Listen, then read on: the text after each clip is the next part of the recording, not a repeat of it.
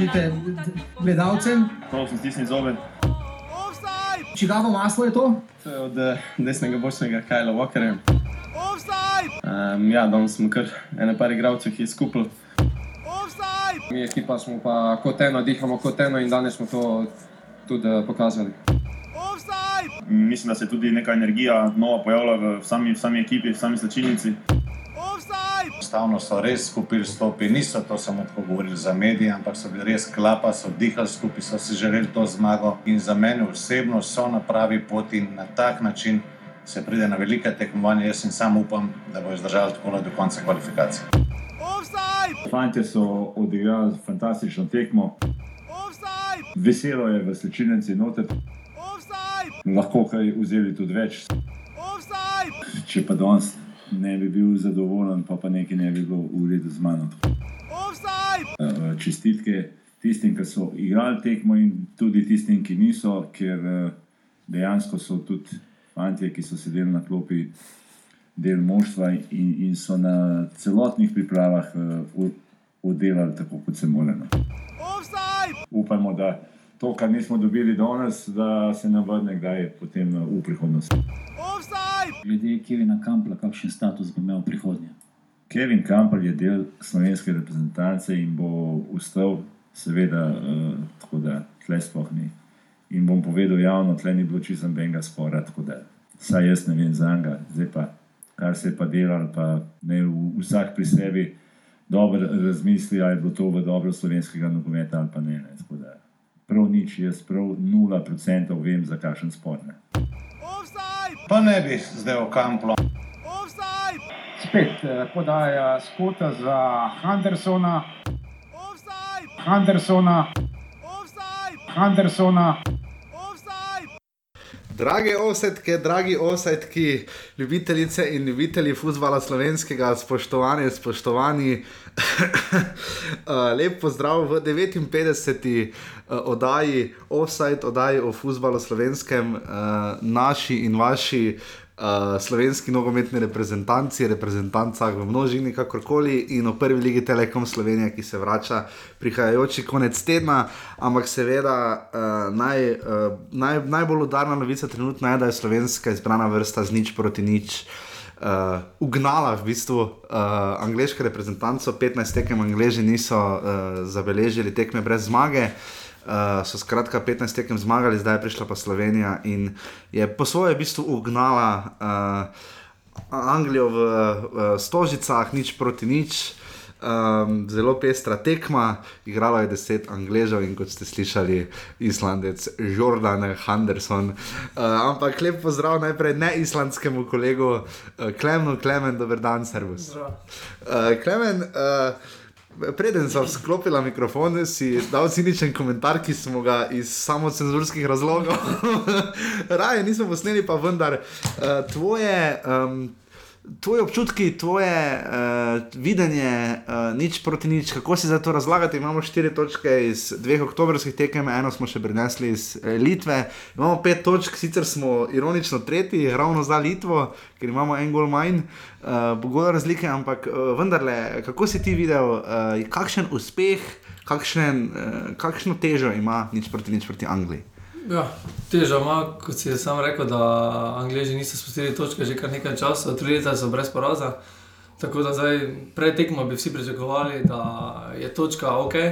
Uh, Angliji bi pa pričakovali, da bodo odnesli iz teh dveh tekem v oktobru šest točk. Uh, na koncu pa vidimo, da, lahko, da so lahko Angliji zadovoljni s točko. Uh -huh. um, jaz pa mislim, da vseeno manjkata nam dve točki, tiste iz Litve. Fejst. Uh, Kje bi bili? Ne? Zdaj, zdaj bi lahko nadoknadili te, te izgubljene točke, zdaj je bila neka idealna priložnost, Angliji so bili ranljivi. Uh, videlo se je, da smo imeli kar nekaj priložnosti za zadetek. Uh, če je bila realizacija boljša, oziroma mogoče tudi menjave, se je videlo že na koncu, da je bilo preveč poškodovanih v sami igri, mogoče tudi Kampel, Veri sta manjkala. Če je bilo sem, na takih tekmah, se mogoče more še te, te stvari še toliko bolj poklopiti, uh, nam je malo zmanjkalo, da bi uh, premagali Ang Angleže. Ni pa občutka, mislim, je malo zamujeno, ampak glede na vse. Je nič, nič dober uspeh, oziroma ne bomo gledali v zobe Bezjakovi, zgrešenemu zicerju.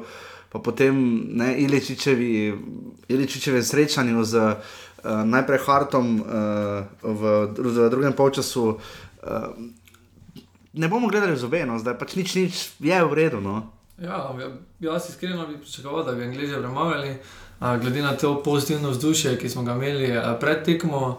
Um, ogromno se je napovedovalo, um, da bo igralci stopili skupaj. Um, jaz pa mislim, pa, da so, ampak se je videlo, da je enaka postava igrala, premalo rotacij in uh, dejansko so se jim nekaj dva igralca, tako se rekel, mogoče Campbell Berry, sta se jim poznala, ki bi mogla mogoče v rotacijo priti. Uh, se je bolj tudi videlo, da, da se je Birska pošval, ker Hin pošval Jukič, je igral z zlomljenim prstom na nogi. In, uh, Tukaj, Malo je že reševanje ja, vojaka Rajna, ja, bilo na koncu. Tako da se ta, ta odločitev brez rotacije za spremenjeno taktiko. Sicer zdaj se ve, po eni točki eh, proti Angliji je ok, ampak jaz mislim, da malo rotacije bi bilo potrebno. Več o tem, kakšni so bili vplivi in pa o vprašanjih in o novinarskem delu boste ponedeljko sjajno sprejeto, vse treste pridno poslušali. Upam, da boste še našli čas do sobote oziroma do ponedeljka, ko sledi 60. offside. Uh, za še današnja dva gosta uh, razbrcala se bo Starog Viškovič, novinar Siola oziroma Sportala in pa Dejan Mitrovič, novinar e ekipe SN, ki sta zelo dobro uh, razložila dogajanje minuli teden, tako da boste malo videli v pogled v uh, komunikacijo in tako naprej.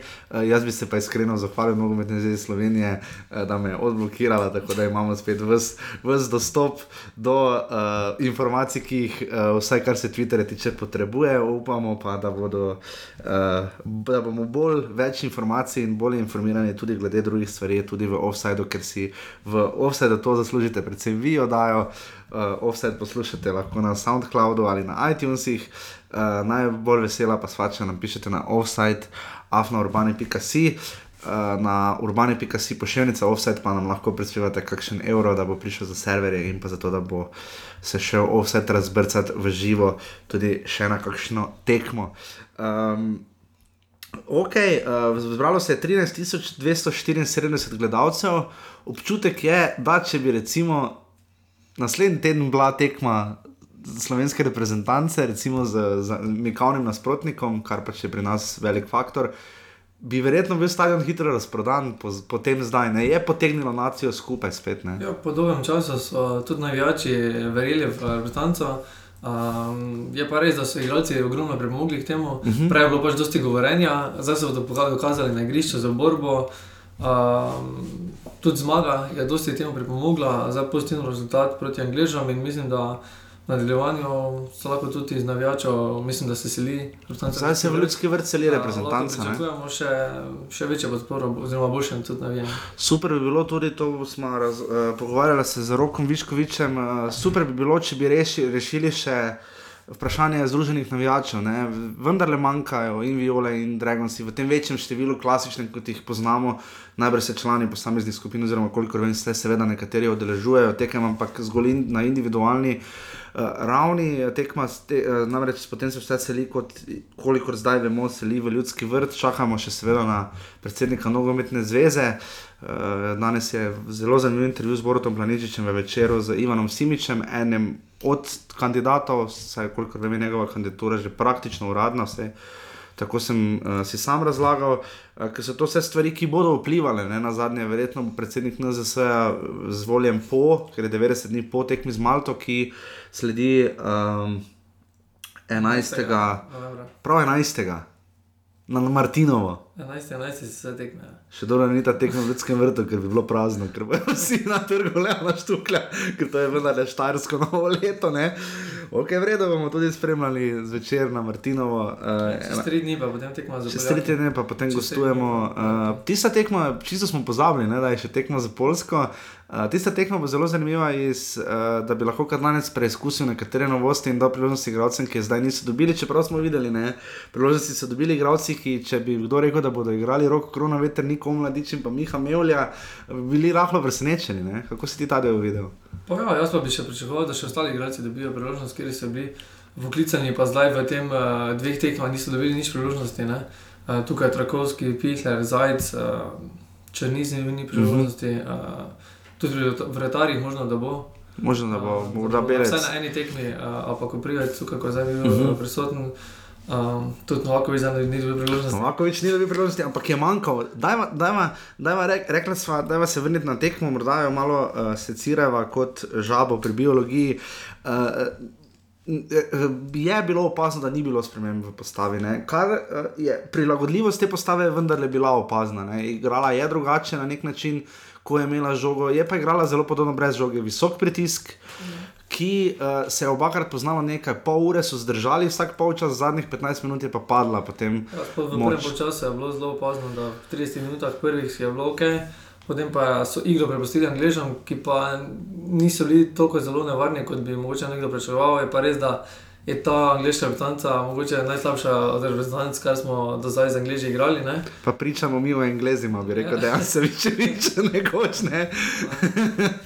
Treba pač priznati, da mogoče Angliži tudi niso zdaj trenutno na najboljši formi ali pa zbiri igralcev, mogoče mm -hmm. tudi. Je to posledica njihove lige, ki igralci, ti igralci, ki so še igrali, nima nekih vidnih vlog v klubu, ampak imajo tujci. Um, vendar vseeno, mi smo se na, prilagodili tudi taktiki uh, drugače kot uh mhm. -huh. proti Slovakom. Iličič je začel konici napada, Bezjak in Verbi sta se menjavala na, na vsaki strani. Uh, odigral pa je Krutič. Uh, dobro tekmo po zelo relativno poprečni predstavi proti Slovakom, je pa zelo dobro tokrat igral. Eno vratnico naprečko blizu zadetka je bil. Tako da je pa po mojem mnenju Bezjak res da ogromno pretekel, vendar tiste kakovosti. Bezjak tako spominja, mene, mene ne vem, zakaj Bezjak spominja na Saša Udoviča, ti si morda malo mlajši, pa vendar tako, veš. Ne, pa na rudenje. Ali pa na rud, nekak sklop obeh, no ni tako hiter, tako izrazito. Ogromno preteče. Ne? Ogromno preteče, zelo za, za štopere nasprotne reprezentance, ne? ker Slovenija je potem pogruntala finto, ne? v bistvu sem si največ podajala, potem v enem trenutku oblak in iličične, oblak je dolgo žogo nabil naprej naprej. Uh, naravnost na Iličiča, ker je imel, ker Stones je imel presenetljive težave, kot pa Kejhil, oziroma Kejhil, uh, sta imela zelo velike težave z, z Josipom Iličičem. Ne? Ja, Iličič, primerjavi z Bizelkom, je dosti manj pretekel, vendar uh mhm. -huh. je držal žogo. Ne? On ima tehnično sposobnost, da, da smo videli tudi pri 3-4 igralce, so pri tisti priložnosti v 47 minutah. Ja. Je 3-4 igralce se zbirala na malem prostoru, preigrala. Naprimer, take igralce, naprimer, Anglija nima. Ne? In tukaj se je videlo, da niso mogli prodreti eh, naše igre, in, uh, in to se je poznalo pri njih, tudi na streljih, na gol smo bili na koncu izenačeni. Ne? Zanimivo je to, ne, pri, če se osred, ja, pri streljih je bilo izenačeno, uh, sicer Anglija je imela dost, dva, skoraj da dvakrat več podaj, pa uh, posebej žoge. Streljih so bili 13-13, na gol so bili 4-4, tudi obrambne vrtare so bile 4-4. Pri Sloveniji, če se dotaknemo napada, uh, Verbič je morda se v drugem polčasu, ni, ni pa nekaj. v drugem polčasu je, uh, je bilo nekaj tu, uh, se je Verbič morda malo bolj prilagodil, malo sprostil, ampak še vedno ste imeli občutek, da ima tremo, čeprav vas je Šabeder na Twitterju dobro napisal kot kritiko Katancu, da ni toliko trema kriva, kot da je iz pozicije Verbič. Ne? Josip Iličič se je ustvaril ogromen prostor na sredini, tudi vlogo, prosto vlogo, tudi, tudi, tudi davek tega je plačal Walter Birsa, ki je tokrat uh, relativno hitro odšel iz igrišča. Isto v 60 minuti, dvakrat, ne, isto proti Slovakom, isto zdaj. In tu, kaj misliš, ne? tu vendarle napad spet ni dal zadetka, dobro, to, kar ga nihče ni dal. Ne? Ampak nekaj se pa zdaj že pojavlja. Spomnimo se tekme z Litvo, ne? ko je tam imel Bezjak priložnost, ko smo imeli tri šanse v eni akciji, ko smo tudi vratnico zadeli. Pa zdaj smo imeli takoj na začetku tekme, ko je. Uh, tam, uh, kdo je tam, Dajer, Erik Dajer, uh, podal žogo nazaj in je imel takoj uh, Bezek sodsotno priložnost, in takoj zatem še Kurtič, in potem je še žoga drugič Bezek zadeva. Uh, in ista situacija je bila potem tam dva kota, takoj. In Slovenija ima malo priložnosti, ampak ko jih ima, pa gradi. Gola ne da, zakaj ti misliš, da je tu problem? Ja, tam recimo sta bila, ko je Iličič, ko je Mila Čimovič povedal, da bi sam udaril na gol, ne? čeprav je res žal har dobro kot pokril. Ne? In tam sta oba stekla na preveč hitro, vezek in tako naprej. Eno z desne, ko je pokril, pa drugič, ko šel sam proti golu iz strani, ampak tudi me kot pokril v tisti prvi priložnosti, je imel možnost podati nazaj, ampak dobenemo. Ne? Drugič nima neke možnosti, je pa Ilicic ogromno priložnosti ustvaril sam. Ne? Videli smo, da ima individualno kvaliteto, tudi bolj sproščeno igra. Ne? Ampak Slovenija pa ima težave z zabijanjem zadetkov, mislim pa, da je to problem individualne kakovosti. No. Uh -huh. Je, ne? Da Iličič pač enostavno sam ne more, ogromno stvari. Videli smo, da je bil včasih obkrožen z tremi, štirimi igralci njihovimi. In ni mogel, ja. Enostavno ni mogel sam. Ne. A, Tukaj se vidi, da mu manjka ali nekdo v napadu, Novakovič ali Berič, Porar, nekdo, da mu pač pomaga pri tem. Je pa res, da smo bili v posesti dosti slabši in smo mogli igrati naproti napade. V takej situaciji pa je zelo težko z Iličičem samim sprejeti. Mm. Tu je zdaj vprašanje, ki pa zna postati pereče za Katance, pa ne da bi prejudicirali ali karkoli, ampak Miha Zajec ne dobiva priložnosti, ne? Andraš Porar je igral za mlado reprezentanco. Ne? Mislim, da tekma z Malto bi bila idealna priložnost, ali pa če ne Malta, pa zagotovo Poljska, da bi preizkusil nekatere novosti zlasti v napadu, ampak ne spet po principu, da bo pomenil celo postavo, ne? da pa potem nima nobenega efekta, da ne vidimo, kako bi kombinirali vsi ti igralci med sabo, ne? kako bi se obnesla, kako bi se Šporar obnesel, kako bi se Zajec obnesel. ne. Ker če smo iskreni, tokrat pa je menjava krona vetra, pa ni uspela. Ne? Ja, uh, je pa zanimiva bila druga, zame- tretja zamenjava, Omladič, uh Mhm. -huh. Krhina. Uh, Krhin je sam prosil za menjavo, pa mislim, da če bi Katanec vprašal, kdo gre ven, bi mislim, da pol reprezentance, vsaj tisti, ki so res stisnili zobe in igrali do konca, dvignili roko in prosili. Ne? ja, se glede zato mi ni jasno, najbolj menjava Birse, ki pa je bil zdrav. Ne? Glede na to, da ima Jukiš slomljen prst, pa ostali poškodovani, toliko uh, načeti, mogoče toliko ne poškodovani, ampak uh, so zdržali vsi do konca. Uh, Cesar res nima sreče z Anglijo, ne? on se vedno na tekmi z Anglijo poškoduje. Ne? ja, ampak se zdaj v tej situaciji se je sam kriv, ne? ker se Ja. je zaletel v ne- Malo me je oni tudi bodiček ja. nastavil, ampak ja. Ja. Um, bo pa vprašanje, koliko bo proti, proti Malti sploh rotacije, ne, glede na to, da je ta tekma res potrebna. Da, uh, Zadetki, ne? Zadetki, pa da odnesemo tri točke, glede na to, da Malta tri tekme, ni zadetkov. eh, Zanimivo, da smo, zanimivo, da sto, so Anglija, Slovenija in Slovaška dali zgolj tri gole, ne? ki so nekako trenutno po moči tu nekje. Ne? Ja, pa Pač, Slovaška zdaj v eni tekmi tri zadetke. ja, proti, uh, mal, proti Škotom. Ne, ne proti Škotom. Škotom ja. Škotska je tu. Uh, Zelo gori pod nogami uh, škotskemu selektorju. Mislim, da uh, to zna biti malo problem, ker mislim, da pa igramo potem tekmo za Škoti, skoraj da takoj po. 16.3. Uh, igramo potem marca eno tekmo zgolj ne, in igramo z, uh, z Škoti. Kar... Pa tu štiri mesece od takrat do takrat premora. Je pa v teh štirih mesecih bo zanimivo, oziroma uh, ta izbor igralcev. Do zdaj bo, po mojem, ta izbor, oziroma ti igralci, ki so zdaj bili na tem zboru, bo eh, ostali enaki. Vprašanje je če se bo Kampel vrnil že novembra ali pa se bo vrnil komaj uh, marca. ne. ja, Kampla, kot ste slišali uvodoma v našem posebnem kolažu, ki ga zdaj pripravljamo. Uh, Kampl je za sreča Katanca član reprezentance, danes sledi še velik intervju. Škoda, mi bi počakali na nam, ampak eh, smo želeli, da vam čim prej eh, predamo še sveže in tople žemljice občutkov uh, po tekmi za Anglijo. Morda, če se dotaknemo malo z nemškega sodnika Ajtekina, ne, ki jaz ga sem, sam ne poznam kot nekega. Uh, mislim, da je Felix Brih tisti, ki je predvsem bolj uh, znan uh, sodnik, kar se ne mislim, da je Nemec, razen če ni zazemec, pa sem zamešal s Henderson. No. Si edini, ki zamešaš. No, nisem edini, ja. vprašanje je, za koga brani Hugo Lori, za katero državo. Ampak um, Kehil in pa Kehil je bil zelo na meji kartona, ne, rdečega. Uh, tu si je malo pogledal skozi prste. Ne. Lahko bi tudi bil direkt na rdeči. Uh, glede na to, da je bilo, bil zelo nevaren štart. V Ilišiča. Res da žogo odnesel, sam šel je pa res, res brutalno. Um, vprašanje pa je, če bi lahko potem še bi sledil en prekršek, pa še drugi remeni, bi lahko sledil um, tudi uh, Struna in, uh, in uh, Lingard. Ja. Uh, sta imela nek Nek precej pretepo. Ja, da, bilo je kar nekaj živčnosti na koncu. Struna, ko smo pri, če, če so pri obrambi slovenski oblak, je tam Townsend osijajno obranil, streljal tam pri Runiju. Bi vprašanje, če bi bil na žogi, oblak je dobro posredoval pri visokih žogah, predložko niti ni bilo toliko, kot smo pričakovali. Ker je naša obramba dobro omejila, Angleže na strelje z razdalje, ne, ki jih je bilo kar precej. Ne. Ja, uh, streljal je bilo kar nekaj. Miral Samrčič po tekmi z Litvo, kjer smo vse po mojem mnenju ni šlo, je pa zdaj sestavil dve taki tekmi, kot da je reprezentant že sedem let. Ja, uh, zelo dobro ste se vedeli z cesarjem. Uh, mislim, da je bilo to, da je se Ilič uh, upokojil, uh -huh. ne glede na starost, uh, samo Režiča, ki ni za najmlajši, ampak je vseeno to zelo pozitivno, da smo dobili novega štoperja, ki je zelo zanesljiv. Imamo pa še potem Meljo, ki je kot tretji čisto zanesljiv. Tudi zdaj dobil dve priložnosti, igra v Ligi Provokov in tu se mi zdi smiselno, da Katanec preizkuša nekatere novosti, ki so se kar obnesle. Težko bi zdaj rekel, da je imel neki resni vpliv na igro, ker ni toliko igral. sploh. Bočne, tudi bočne so zdaj videli. Struna- Struna. Sprememba na levem, že nekaj časa ne. Bomo videli, zdaj, kaj bo za prstom Bojana Jokiča, ampak moram reči, da glede na to, da sem jaz bil tisti, ki je nekako najbolj pod vprašaj postavil formo Bojana Jokiča, eh, če bi forma lahko glede na njegovo neigranje v klubu lahko postavili vprašanje borbenosti, pa želje in volje. Tam sicer čisto na koncu je nevarno dve žogi dal ravno angližem, ker je že bil res utrujen, ampak sicer je pa vrhunsko. Uh, V treh dneh, eh, 112 minut, pa še poškodovan, glede na to, da ni imel nič minut v klubu. Je, Mislim, res bi bilo lepo, da si klub najde v zimskem pristopnem roku. No. Jaz upam, da bodo našli neko soglasje, ker ima kaj za pokazati. No.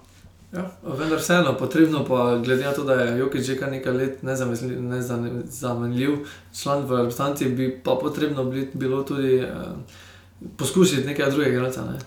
Glede Še večja da smo konkur- na- Glede na to, da smo na desnem bočnem menjavali kar nekaj, Ravno to ne- Bic, uh, struna, dva, ob, oba struna brata, ne, uh, tudi zdaj, uh, zdaj Stojanovič ni bil poklican, bil je Jovič poklican, torej tukaj nekaj menjava, na levi strani pa... Se je struna zdaj naredil kot, ustol, mislim, v, namestil udobno kot prvi desni bočni branilec slovenske reprezentance, oziroma kaj zdaj to pomeni za Stojanoviča. Tu so tiste iskrice, ki pri Katancu znajo, ko so vprašanje. Kaj je za Petrom Stojanovič, bom to vzel zelo osebno, če škoda ga sprašujemo, pač zakaj ne igra, kar je legitimno vprašanje, ne? ker višek igralcev na desnem boku pa imamo. Ne? Uh, bo pa zdaj vprašanje, kako bo proti naprimer Malti, ne? Ki mora biti zelo napadalno usmerjen. Kar Struna ni, Sproževalce, Kar pa struna ni, pa Stanovič je.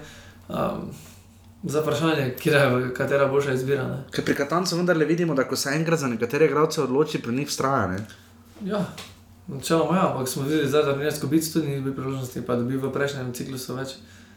Ja, pa, ampak je pa bila pred zborom reprezentance kritika, ravno poleg Stanoviča, tudi na račun uh, Neca Skubica. Uh, sredina Krhin je to, kar bil manj opazen, uh, veliko je imel dela, nasploh sta oba.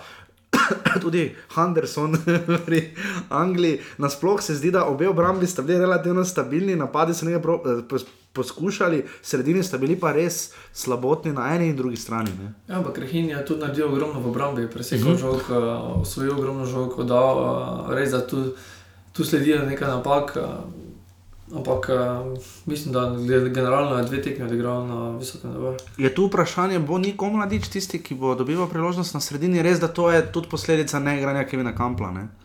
Ja, v, mislim, da v teh, na teh krilnih pozicijah um, se nekako Bezjak oziroma Verbič sta se menjavala.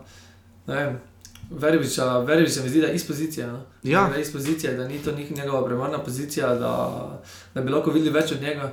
Res pa je, da Katanec ima rad take igralce, ki ogromno tečejo, uh Mhm. -huh. ustvarjajo žogo za, za ostale igralce. Pri Iličiču je lahko ogromno pač Pa počne. ne samo on, tudi publika. Publika slovenska se mi zdi rada stopi za to borbenostjo. je tak, malo tam enkrat je šla kamera, podobno tako od leve proti desni, kot za Bežigradom. ne, tak Je bi malo podoben občutek v smislu pač te percepcije reprezentance, samo da grizejo. Ne.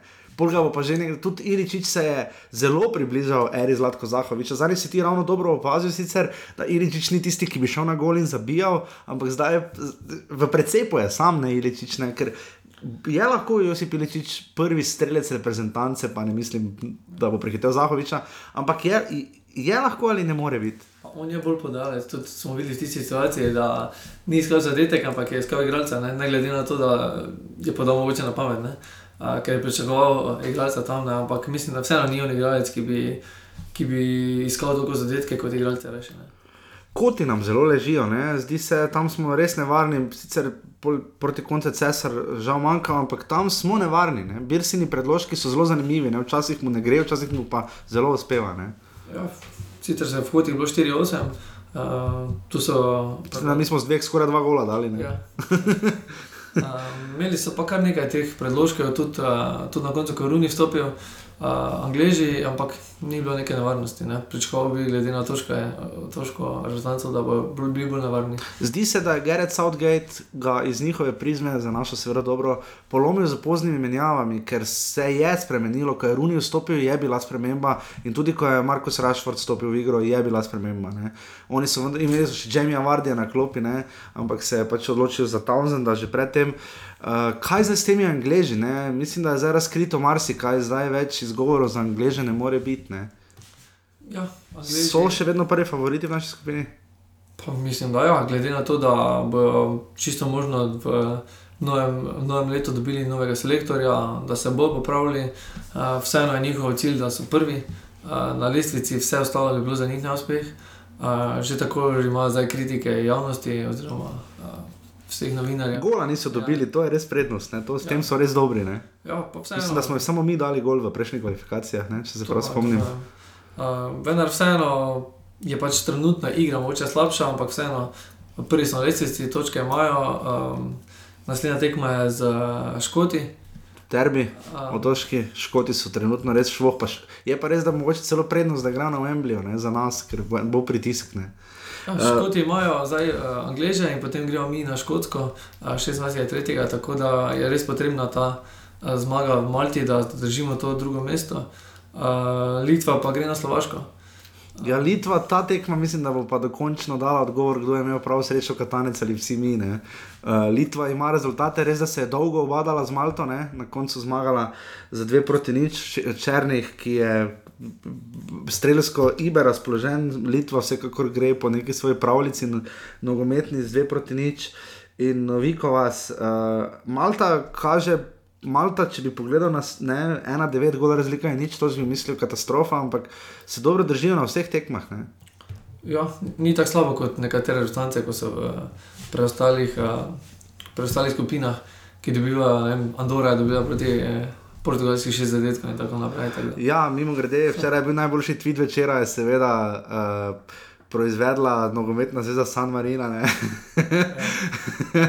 San Marino je od leta 92, seveda igrajo odprej, ampak od leta 92 niso izgubili zgolj na petih tekmah. In njihova edina in najvišja zmaga ostaja ena proti nič proti Liechtensteinu, zdaj so pa z Norveške prinesli ena proti ena, ne, kar je res, res velik uspeh za tako malo reprezentanco. Malta, uh, Malta, kot si ti rekel zadnjič, da so imeli res priprave ne, za Ne, tek. ne, ne, oni so prvi gostujoči zadetek dali. No, prvi gostoče to je, ampak za Malto si pa razlagal. 4-1 so potem izgubili. Ja. A 4-1 je bilo, Ja. ja. mislim, da je bilo 1, pa, pa, pardon, pa, pa jemljem nazaj, no, ok, dali so gol. Dali so prvi, eh, ne, ne, ne, so dali, 1:1, so ja. izenačili, Pol pa to je bil prvi gostujoči zadetek po... po stoletjih. Ja. Uh, si pa za Malto ti razlagal, da so se zelo pripravili uh, dobro uh, na Anglijo, da so imeli velike načrte, zdaj so ti načrti. Predvsem manjši, oziroma ta Litva je res specifična v naši skupini. Ne? Litva je to, kar smo mi včasih bili, ne podero sreča Katanca. Ja. Um, je pa zdaj vprašanje, koliko lahko Litva ta eh, ritem zdrži, uh, koliko še lahko, koliko lahko v teh medsebojnih, bo zgleda tudi ogromno uh, odločali in vprašanje. Vpraša, do te vprašanje se bo že odgovorilo 11. proti Slovakom. Ne? Ja, ta tekma bo v bistvu najbolj zanimiva v naši skupini, skoraj da, no, vse za, na, za našo prizmo, ne, razen če bi Angleži se prekucnili čez, škot, čez škote.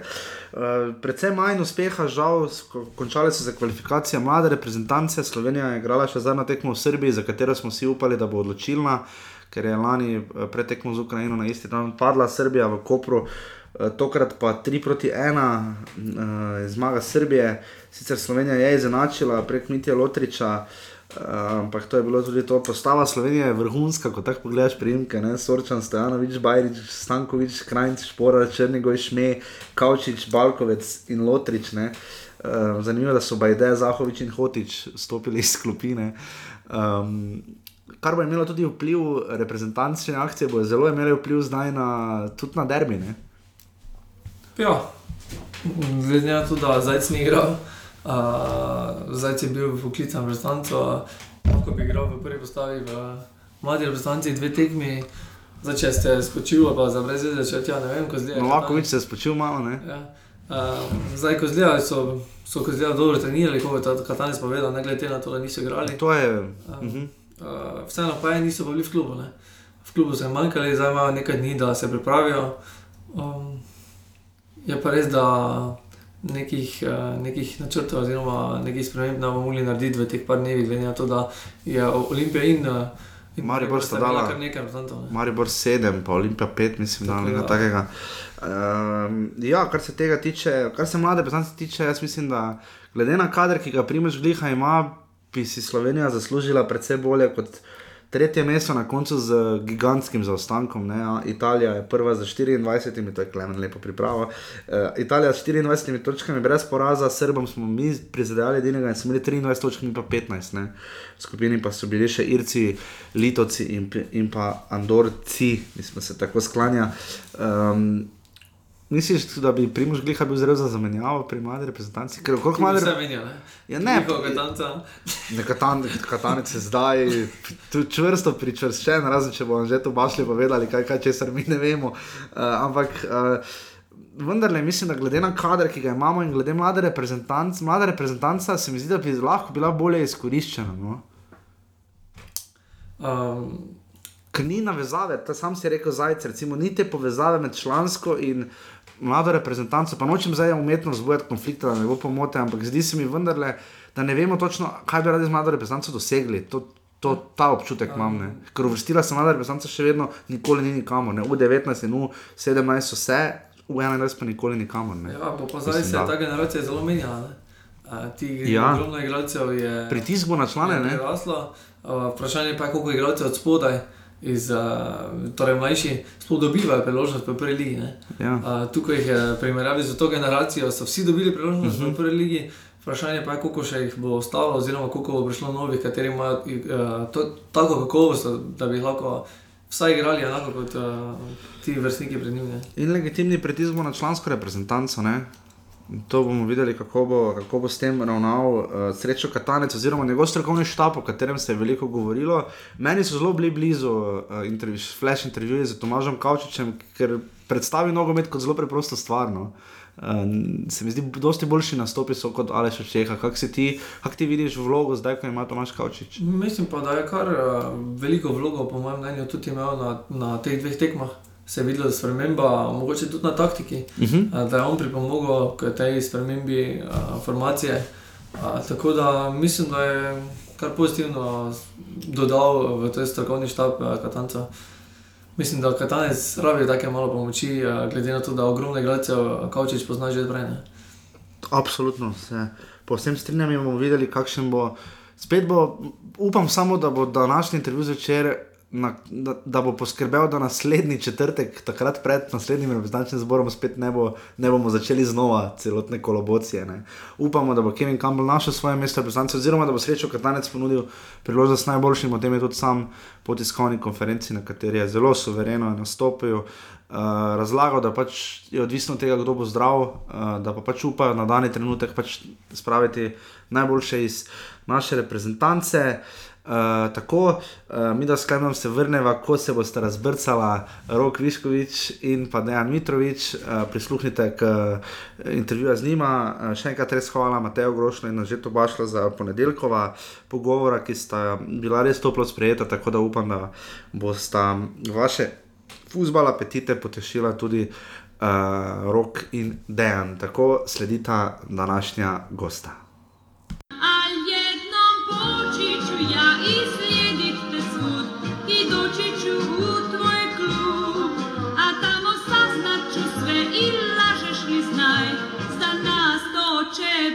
Tako, uh, naš uh, prvi gost danes je, kot napovedano, uh, Rok Viškovič, novinar uh, Siola, oziroma kot se temu pravilno reče, z portala. Uh, novinar, ki uh, p, uh, vse sam imam dobre izkušnje z njegovim Twitter profilom, uh, ker ponavadi kaj, kakšen luciden dotip navrže, oziroma uh, zelo dobro oceni, uh, še manj od 140 znakov, kaj se dogaja v kakšnem trenutku. In pa, uh, če niste brali, oziroma zdaj je morda malo, uh, pa vedno bo prišlo pravno, uh, sobotni portret, ki sta ga pripravila skupaj s Primožem Cirmanom o srečo Katance, je bil res. Uh, Uh, zelo zanimiv, ne, no, te tone rop omenjen, tako da že ta del mi je bil zelo všeč. Tako da, rok, uh, dober dan, dobro jutro, servus. Ja, živijo, živijo, kot sem že rekel, lep pozdrav iz sončne Ljubljane, tudi na Ljubljano je posijalo sonce, kot, kot tudi na slovensko nogometno reprezentanco v zadnjem tednu, po teh črnih oblakih, megli, uh, ker naenkrat spet vse lepo in prav, čeprav seveda ni posem tako. res je uh, idila bila včeraj, čeprav uh, verjetno malo manj za prst Bojana Jokiča ali za, uh, po, za peto Benjamina Verbiča in za vse ostale, ki so jih kar sku, skupili včeraj. Kako si ti videl dogajanje v Stožicah, uh, kako si se počutil nekako? Toliko dogajanja je bilo, da se v bistvu z angliži noben niti ne imel časa obadati, tako se je vse meni zdelo. No? Ja, res. eh, Ta Slovenija, ki smo zdaj videli v zadnjih dveh tekmah, pa mogoče še bolj eh, včeraj, se pravi na tekmi proti Angliji, to je neka posebno drugačna Slovenija. Neka, sen fantom ni za očitati do nikoli borbenosti, sem to.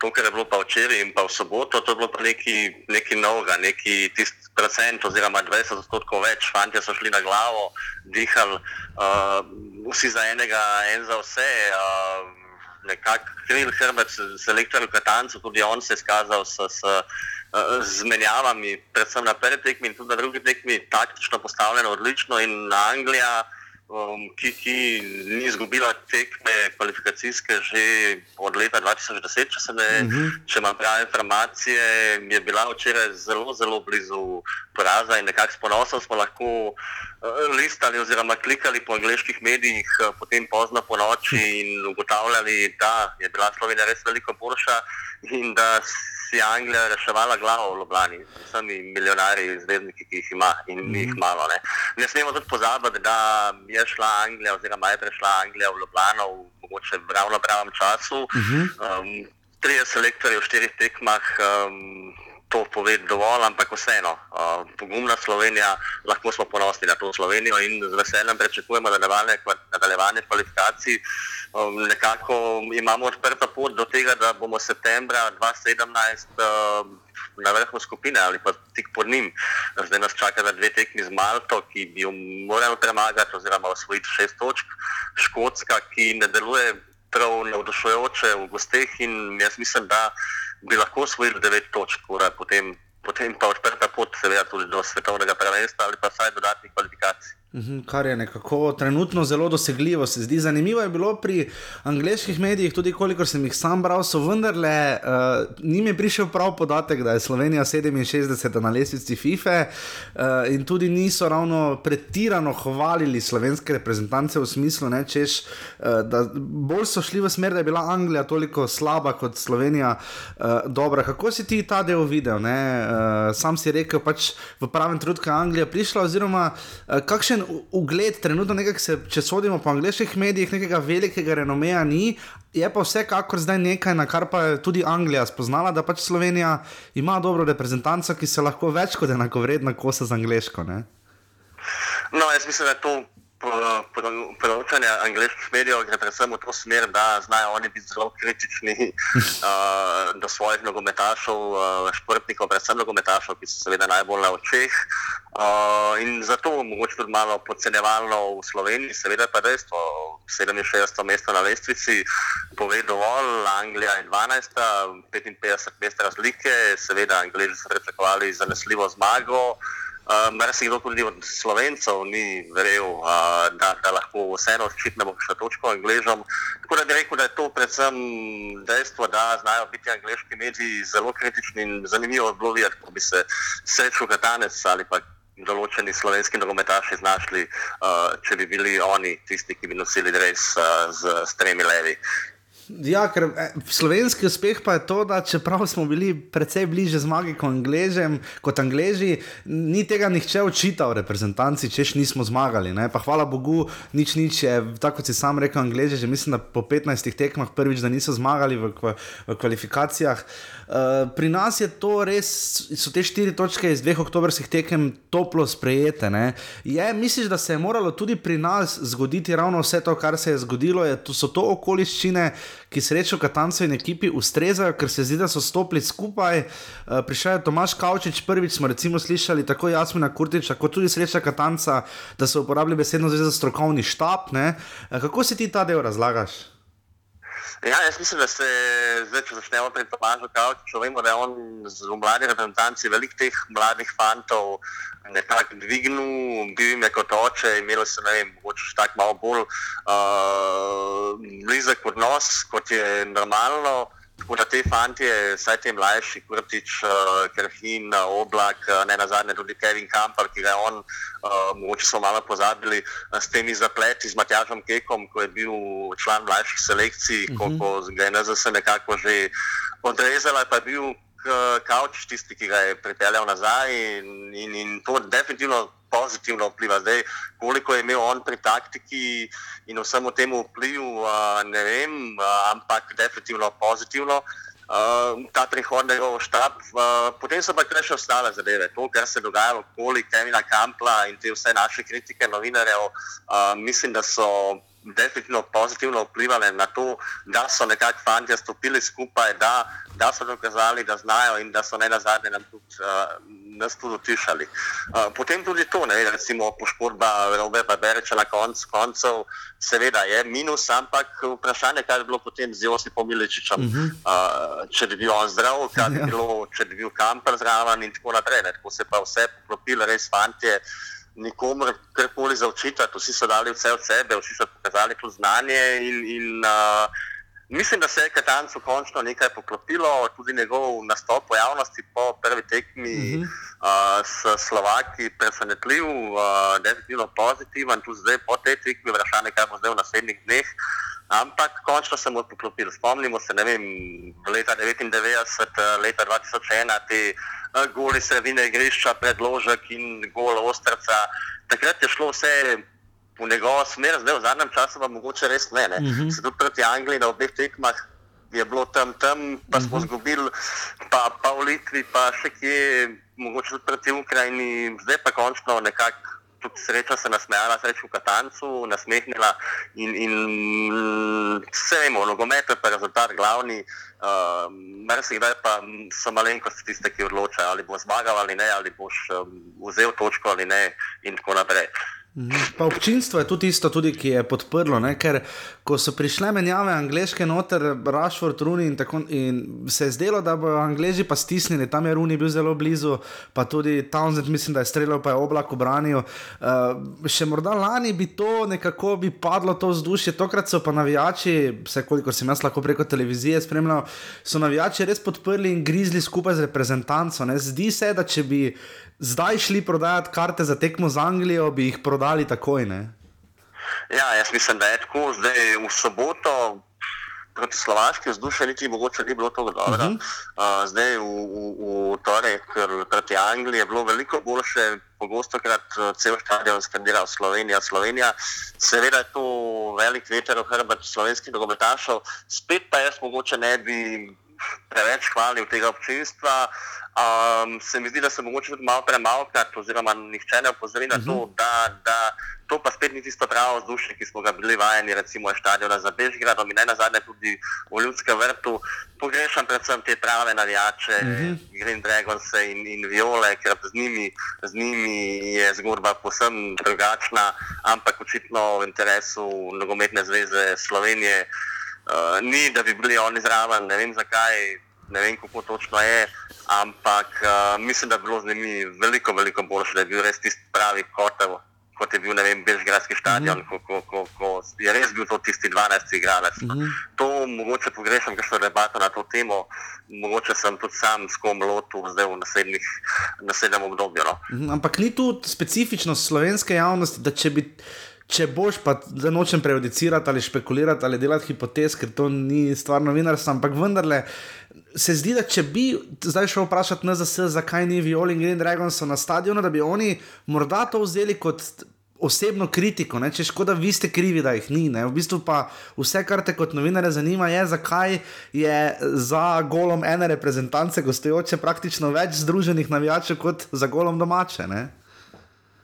Ja, mislim, da bi oni tako vzeli, mislim pa, da je bistvo tega, da pač tistih neki mogoče osamljeni incidenti, ki se zgodijo, da pač na nogometni zvezi Slovenije, Slovenije želijo predvsem te pridne v narekovajih navijače, ki, ki mogoče ne prežigajo bakel, uh, ki, ki mogoče ne mečejo petard in tako ne. Vse mhm. seveda to ni pravilo, jaz ne prevečujem tega sam, uh, zdaj zaradi ene petarde, ene bakle, pa tudi ni treba uh, delati ne vem kakšnega škandala in, in mhm. mislim, da je predvsem to.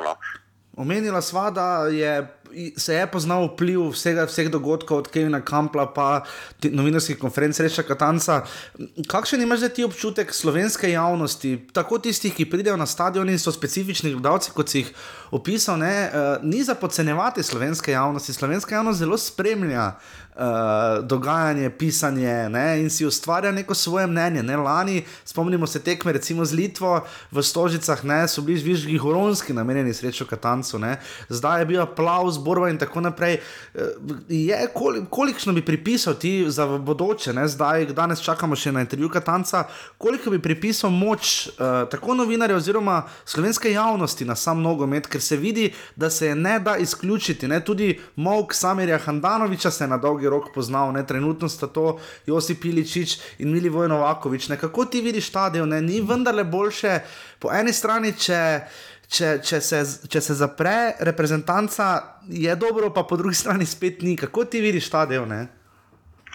Ja, mislim, da zdaj ta neka jeza in, in mogoče kdaj užaljenost nogometaša ali pa selektora ali kjerkoli iz, iz, iz nogometne zveze Slovenije je nekako kanalizirana na nas novinare, dejansko gre pa v veliki meri tudi uh, uh, za jezo do, do te uh, javnosti slovenske. Sej danes uh, imamo, ne vem, razno razno socialna mreža, Facebook in tako naprej.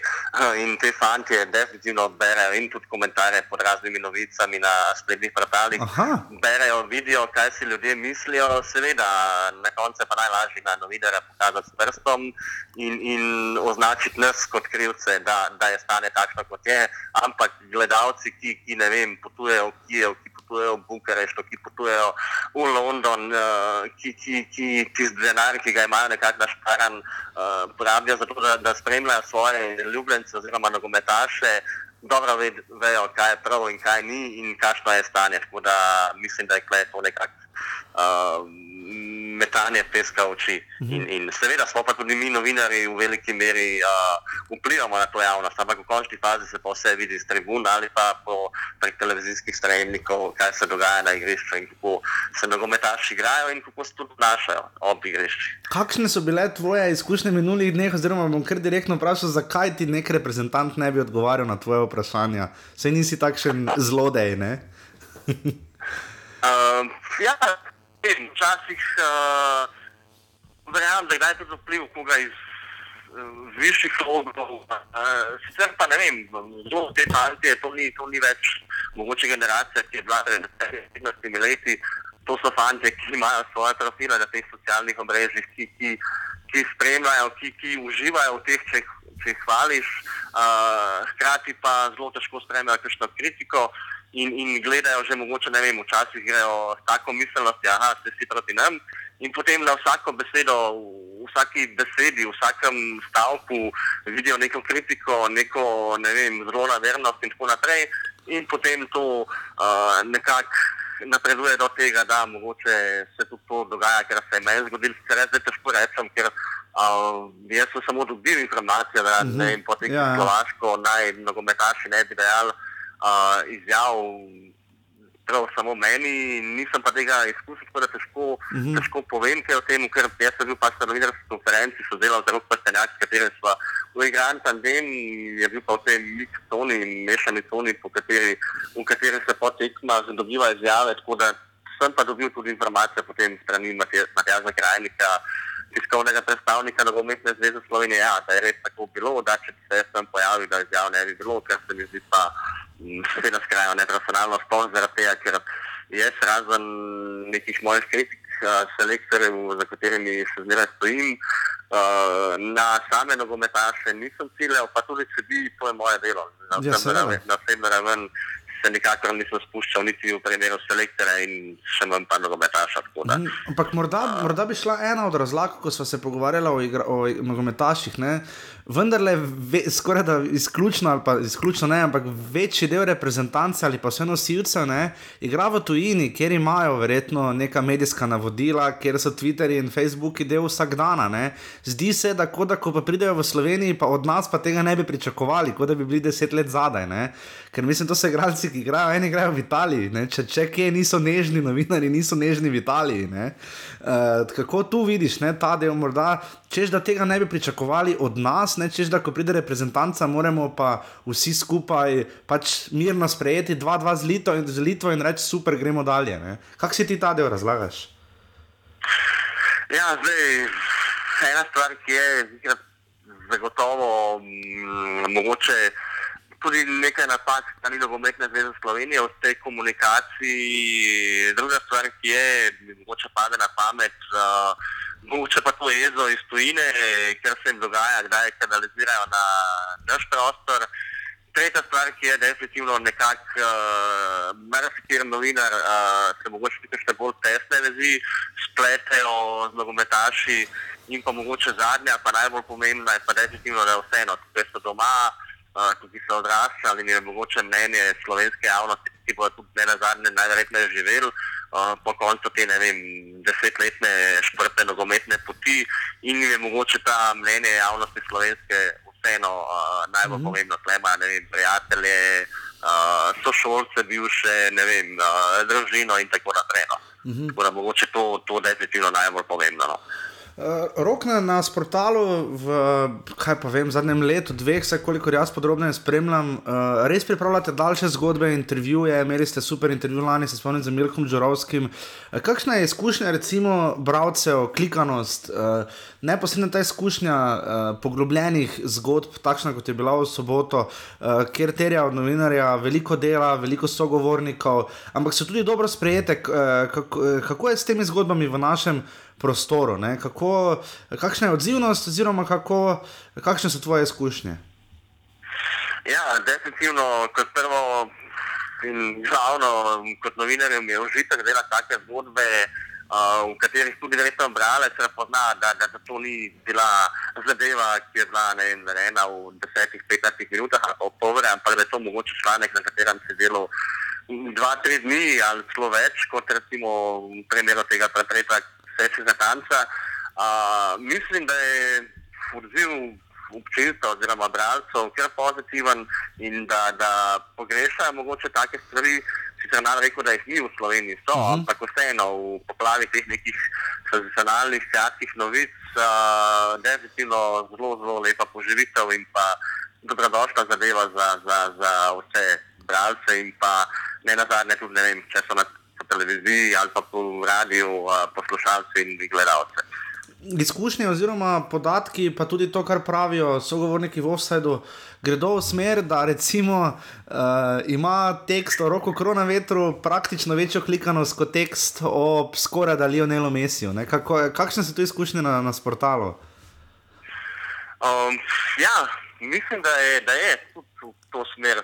Uh, ker vseeno, tudi če gledamo vem, te prenose, moram pohvaliti uh, uh, prenose slovenske nogometne lige, so tudi in ne samo zdaj, zdaj še toliko bolj, ampak že v preteklosti so bili podatki, da, da so zelo gledani. Mislim, da konec koncev poplavi teh navijačev, raznih Barcelon, uh, Arsenalov, Real Madridov in tako naprej, je vseeno to slovenski nogomet še zmeraj najbolj priljubljen. ne. In tudi vidimo to, kar se dogaja ob uspehih uh, leta 2009, uh, 1999 in 2001.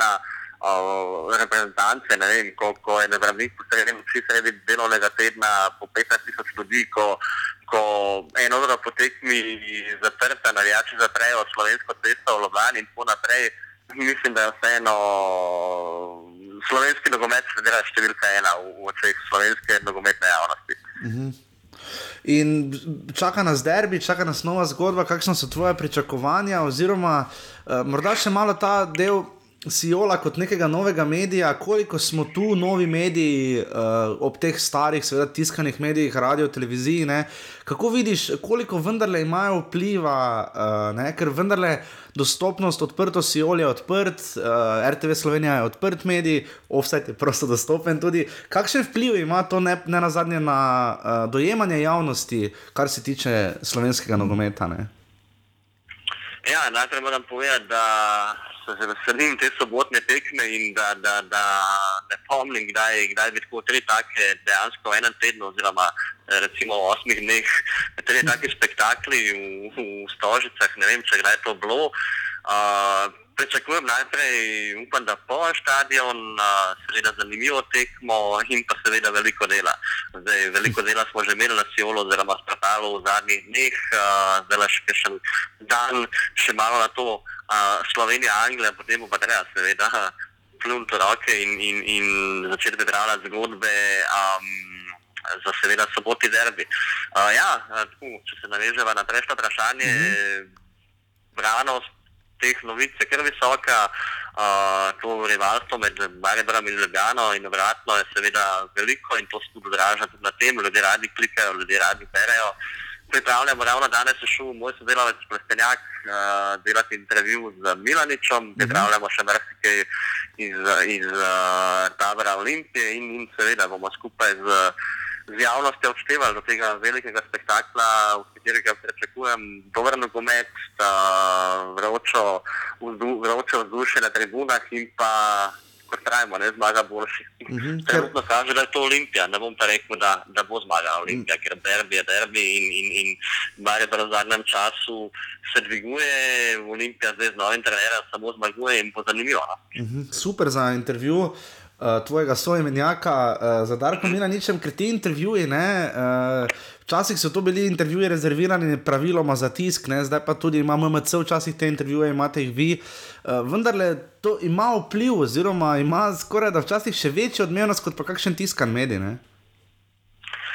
Ja, jaz mislim, da je tako. No. In tudi po izkušnjah iz zadnjega, zadnjega časa, ja, in tudi. Uh, zelo hitro zaokrožijo te zadeve po internetu, seveda vemo, da naša informacijska doba je zgodba posebno drugačna kot pred 10-15 leti in ja, definitivno dobrodošla vsebina in tudi toplo sprejeta strani bralcev. In morda še proti koncu vprašanje, kako sam dojemaš eh, med tekmo, ko uporabljaš Twitter? Ne? Napišeš na Twitterju, kaj česar sicer v članku ne bi, eh, kot, eh, kak, kak ga dojemaš, kak, eh, kak se lotevaš uh, Twitterja. Ne? No, sicer jaz nisem tak uh, profesionalen, gledaj, kot si ti. Uh, jaz nekako sam moram reči, da ta Twitter uh, nekako še nisem ga tako uh, dojel in, in mi ni to domač. Uh, med tekmo, sam med tekmo mi več ali manj, kakšnimi dogodki, tvitam, kakšno fotko pošljem in, in, in zapisujem misli, ki mi padejo na pamet. Seveda, mm -hmm. treba v teh 140 znakov strniti in to ni vedno lahko. Pa mogoče kakšen video, da mogoče predvsem mislim na to, da. da, da Um, tem svojim sledilcem mogoče pokažem nekaj, kar, kar na televiziji ni vidno. Uh -huh. uh, predvsem to, uh -huh. kakšno opažanje.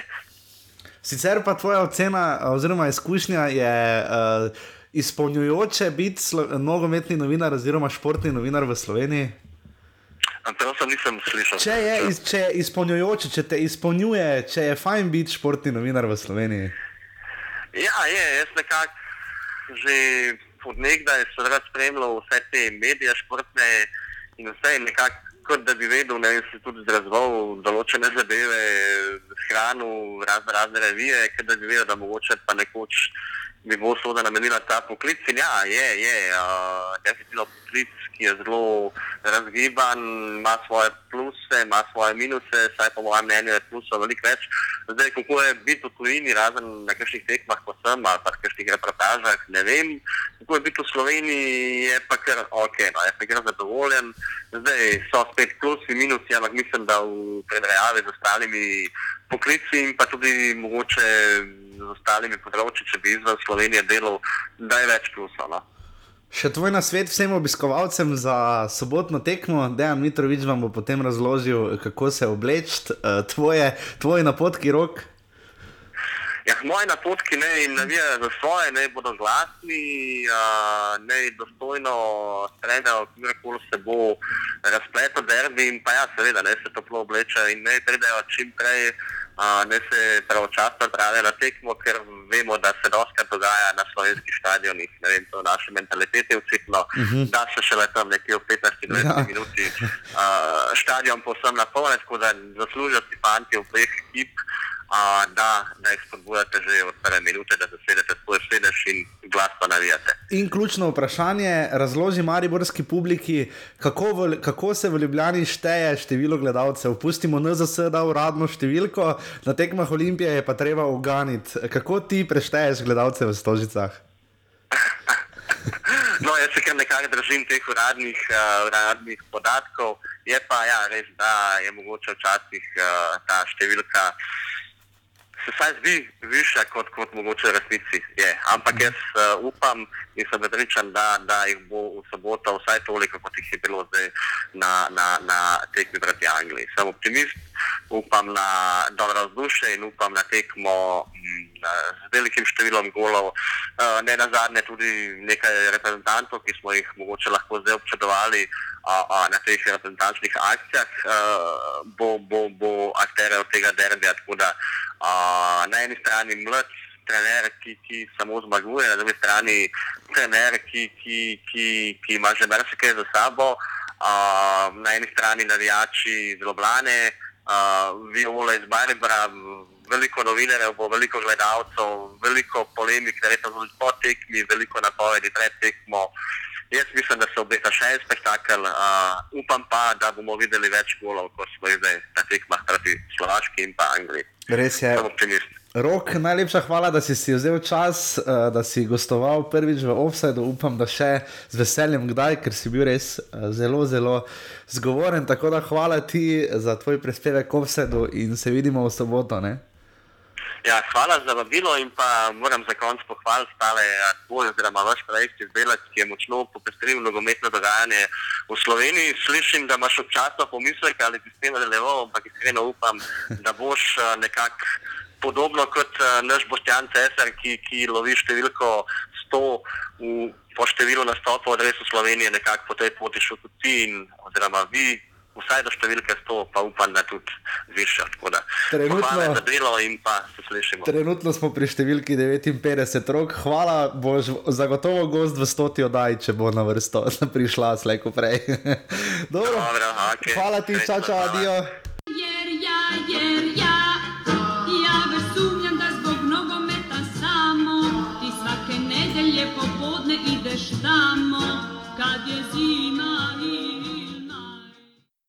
Tako kot uh, obljubljeno in napovedano, uh, že dan poprej, uh, zdaj pa tudi še uradno in v živo, oziroma v živo, zdaj ko to snemamo. Uh, Dejan Mitrovič, novinar uh, ekipe, oziroma ekipe SN, ne, kot se uradno časopisu reče.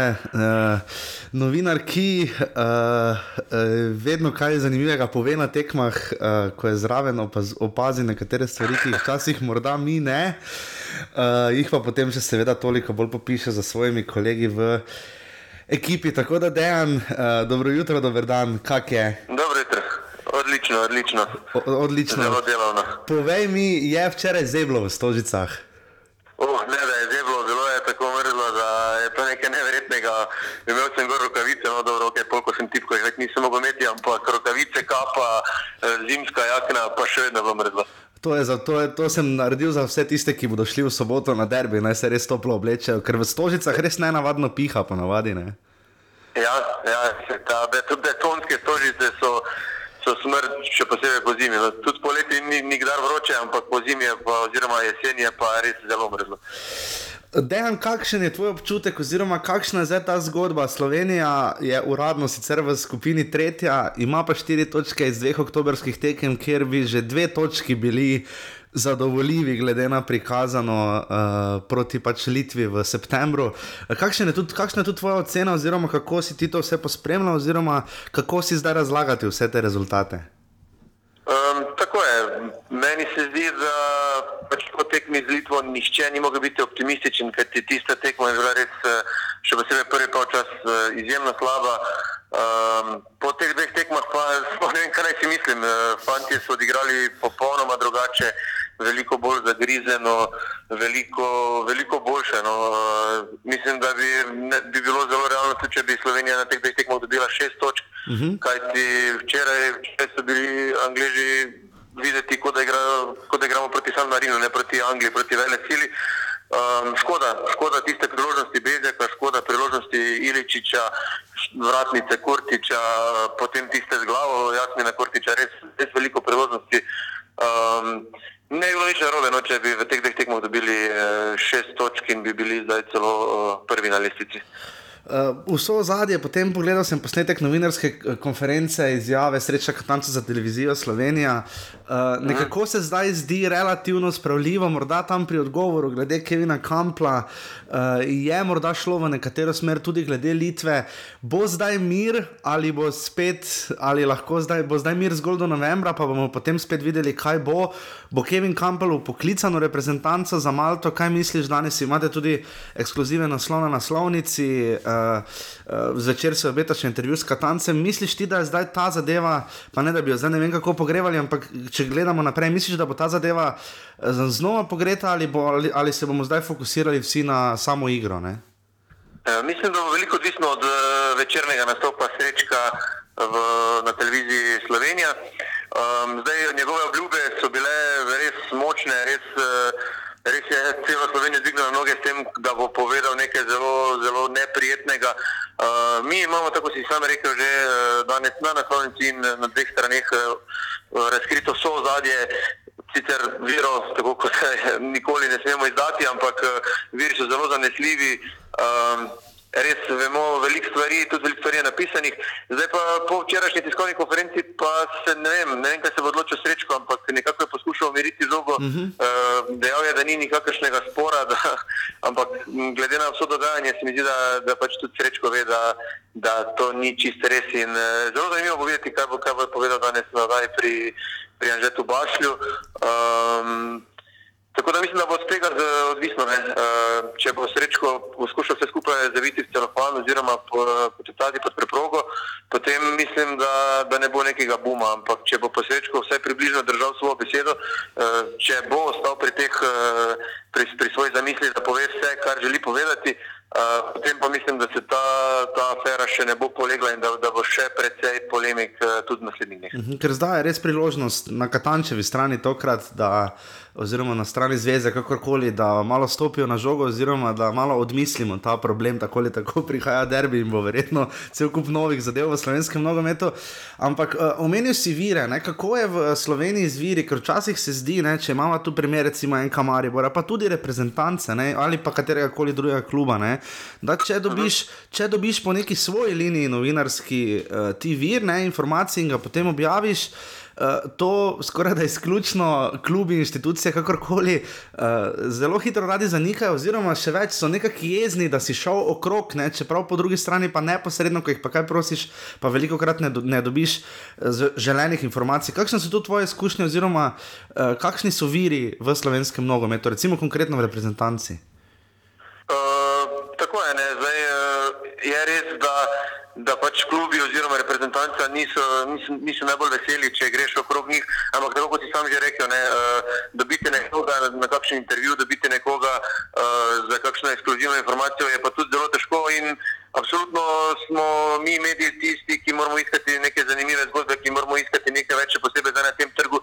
Treba iskati nekaj več, treba je ponuditi bralcem nekaj več. In, uh, zato je pač vedno tako, da pač nekaj najti. Ne. Če ti nekdo ne omogoči tega, uh, recimo konkretno tudi pri enem Mariboru, okrog katerega največ delam.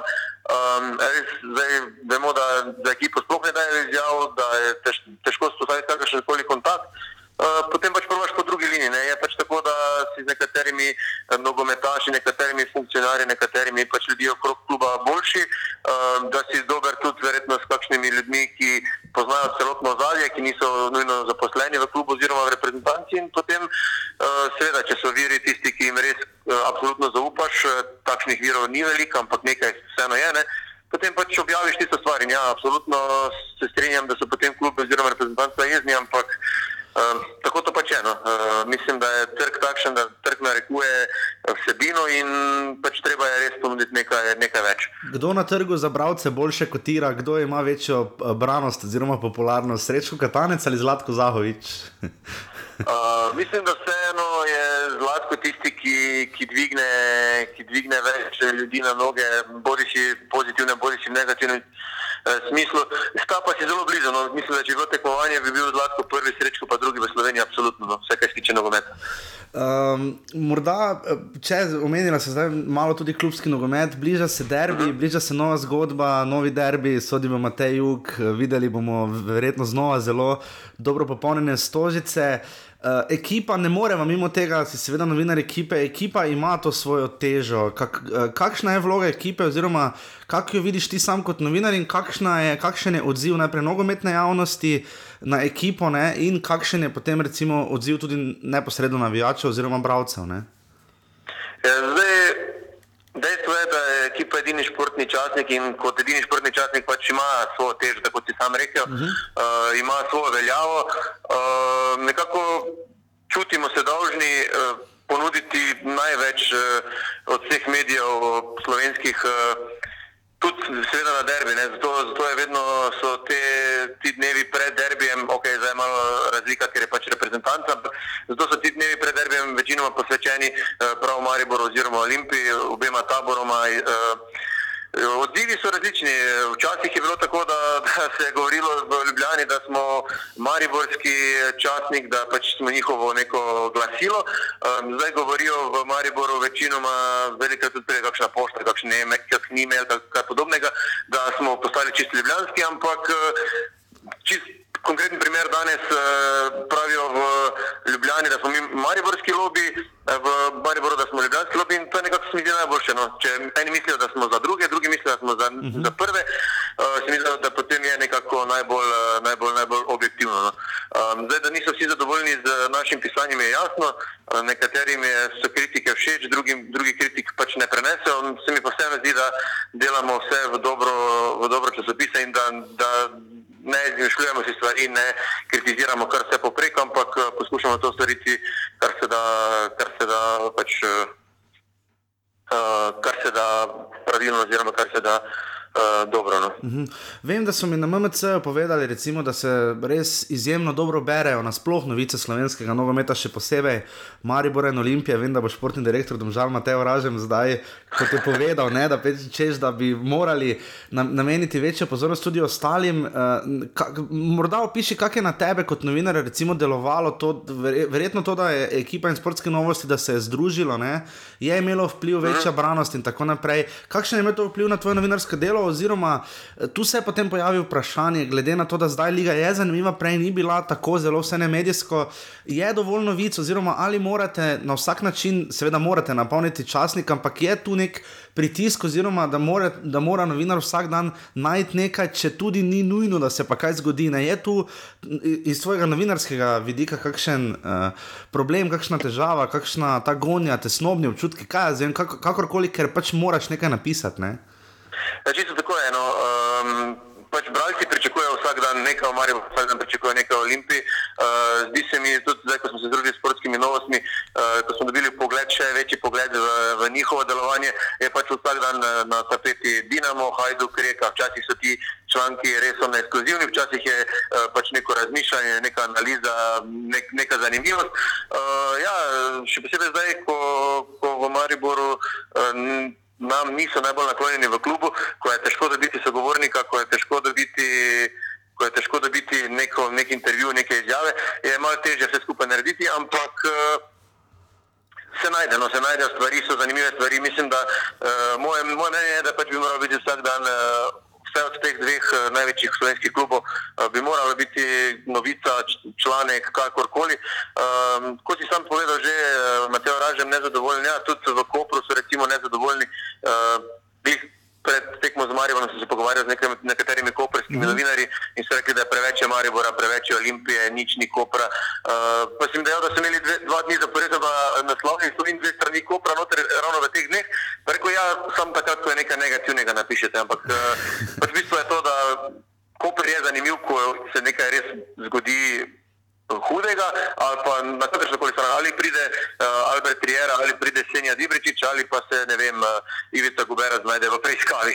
Uh, Maribor je pa zanimiv sam po sebi, enako tudi Olimpija in pač treba je pač ločiti, treba je vedeti to, da, da ljudi, veliko več ljudi zanima Olimpija in Maribor, kot pa nažalost Koper ali pa Zmožali. Videli smo tudi v nekaterih primerih, da um, nekateri nogometni delovci, strokovnjaki, trenerji, igravci nekatere stvari zelo osebno vzamejo. Ne na zadnje smo imeli primer, ki je zdaj, ne vem, bo povedal rok, kako je že povedal, oziroma ker ga bomo snemali, zdaj pa pride, pride pred tabo na vrsto. Ampak uh, spomnim se pokala, uh, finala pokala Slovenije, zadnjega v Kopru, ko je Darko Mino nič rekel, da ti pa več od mene ne dobiš odgovora. Ne? Kako si ti razlagaš te stvari, ne? te, ki, ki potem postanejo neverjetno osebne, ne? čeprav v bistvu na koncu dneva vseeno vendarle. Tudi, bran, ker branim pač no, novinarski ceh v tem kontekstu, ne pač se je upravljal svoje delo. Sej bil, mislim, se, se je kljub odločal, recimo, da je v aferi Ibrahimi pošiljal naprej Darka Milaniča, ne pa koga drugega. Ne? Tako je. Tako. Uh, v bistvu, ja, veliko krat stvari postanejo osebne.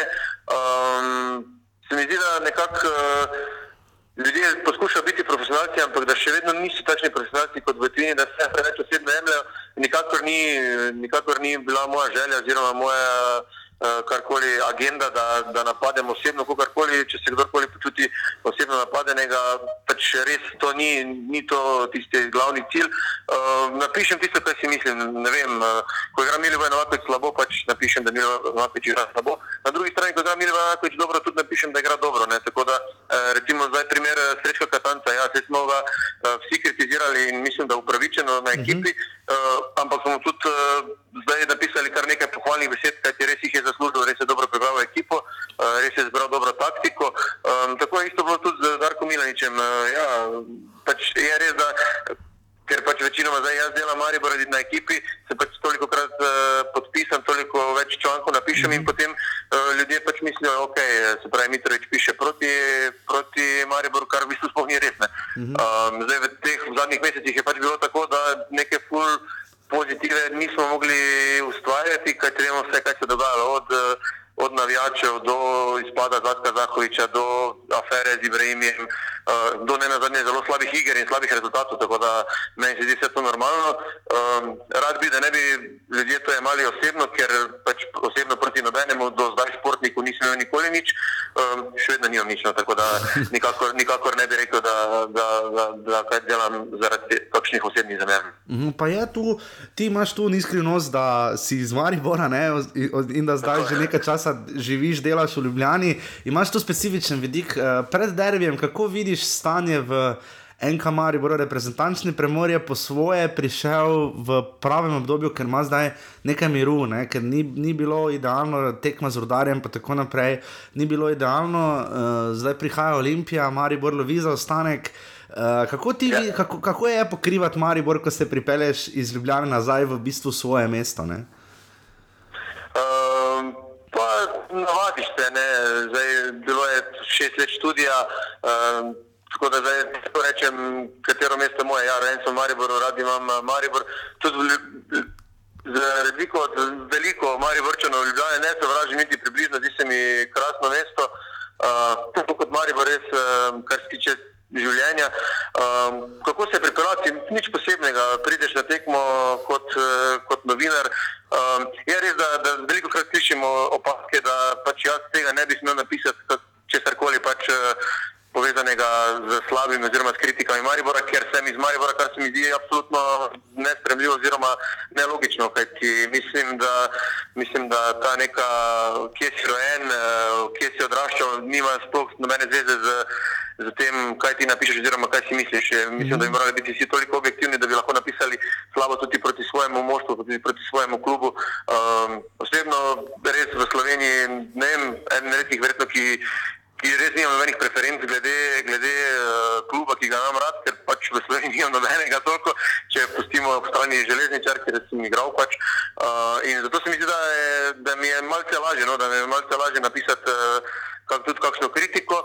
Um, je pa res, da ja, očitki pa so ne, da si iz Maribora, pa ne moreš proti Mariboru pisati, kar pa, kar pa se mi zdi, kot sem že povedal, pač nelogično. Mhm, kot novinar športnega časnika, kako vidiš, oziroma kako spremljaš ostale medije, ki so seveda zdaj uh, ujeli to euforijo, oziroma kakorkoli večjo popularnost slovenskega nogometa, če se spomnimo samo lanske uh -huh. nogometne sezone. Kako vidiš uh, vlogo ekipe, oziroma kako vidiš vlogo ostalih medijev, oziroma kako se znajdeš v tem medijskem prostoru, dovolj dolgo že to pokrivaš, kaj se je recimo spremenilo, kaj je drugače, kaj je boljše, kaj je slabše. Um, tako bom povedal, ko smo začeli, nekako sem malo prej začel, prej smo vzpostavili tole novo spletno stran. In moram povedati, da že ko gledam na internetu, se mi je zdelo res neverjetno, oziroma nikoli nisem pričakoval, da bodo najbolj klikane, najbolj brane novice eh, slovenskega prostora. Pa ne nujno samo Maribora, pa Olimpije, uh -huh. tudi Domžal, kdaj tudi, eh, tudi Kopra, tudi eh, Gorice. Eh, to se mi je zdelo zelo presenetljivo. Sem mislil, da, da je veliko bolj ljudi zanima eh, mednarodni nogomet, ampak eh, vse kaže, da pač eh, o mednarodnem nogometu, o Realu, o Barceloni preberemo na kakšni drugi strani. Uh -huh. uh, zdi se mi vloga medijev v tem času zelo pomembna pri prvi ligi, kajti ta boom, ki, oziroma ta razplet, ki ga je prva liga doživela, uh, mislim, da je zelo povezan tudi z, z prenosi na kanalu A. Ki so, ki so prenesli nekako svežino, no, v, dali so velik pomen eh, naši prvi ligi in mislim, da tako moramo tudi vsi mi, eh, ostali mediji, slediti temu, moramo dati večjo težo eh, slovenskemu nogometu. Mislim, da si ta slovenski nogomet to zasluži. Eh, Zadnje, zadnje leto, oziroma zadnji dve leti, zadnji dve sezoni sta bili vrhunski. Eh, Prejšnja sezona, vemo, kako se je končala, vemo, kaj vse se je dogajalo. Eh, Moram priznati, da mi je prvič po ne vem, 25 letih daleč najbolj me je zanimalo slovensko prvenstvo. No, ni- Nikdar me ni toliko zanimalo, kot me, uh, kot me je letos, letos pa se mi- oziroma lani, lani pa se mi zdi, da je bilo celo najbolj zanimivo od vseh, kaj sem jih spremljal, pa eh, spremljam res dosti nogometnih prvenstv. Tako da mislim, da moramo, moramo nadaljevati v tem. Uh, V tem slogu moramo, moramo še naprej eh, iskati zanimive zgodbe, še naprej gledalcem ponujati, oziroma pač gledalcem, kakorkoli, eh, čim več zanimivih sebin. eh, In mislim, da, da, da lahko pričakujemo še majhen porast, no, eh, vsaj v prihodnosti Slovenske lige, kajti mislim, da zdaj z Olimpijo, z Mariborom, tudi z Domžalami, z dobrim delom drugih klubov, eh, se mi zdi, da, da zdaj to je tono, da imamo res prvenstvo, kakršnega si zaslužimo. Mhm, Morda pika na i bi bil še nek, ne vem, televizijska oddaja, to te, tega še nismo dočakali. Manjka, mor, manjka morda trenutno tudi športnega tednika, nimamo, pos, na zadnje je delo naredilo finančni tednik, ne, nimamo, pa, nimamo pa športnega, kar je rahlo nenavadno. Ne. Ja, uh, kar se tiče oddaje, se mi zdi, da bi bilo to skoraj nujno. No? Kajti vemo, da v zadnjih uh, tednih se dogaja marsikaj, eh, tiste polemike okrog sodnikov. Mislim, da bi bilo super, če bi po vzoru hrvaške televizije imeli mi svojo oddajo eh, enkrat na teden, oziroma po koncu proga.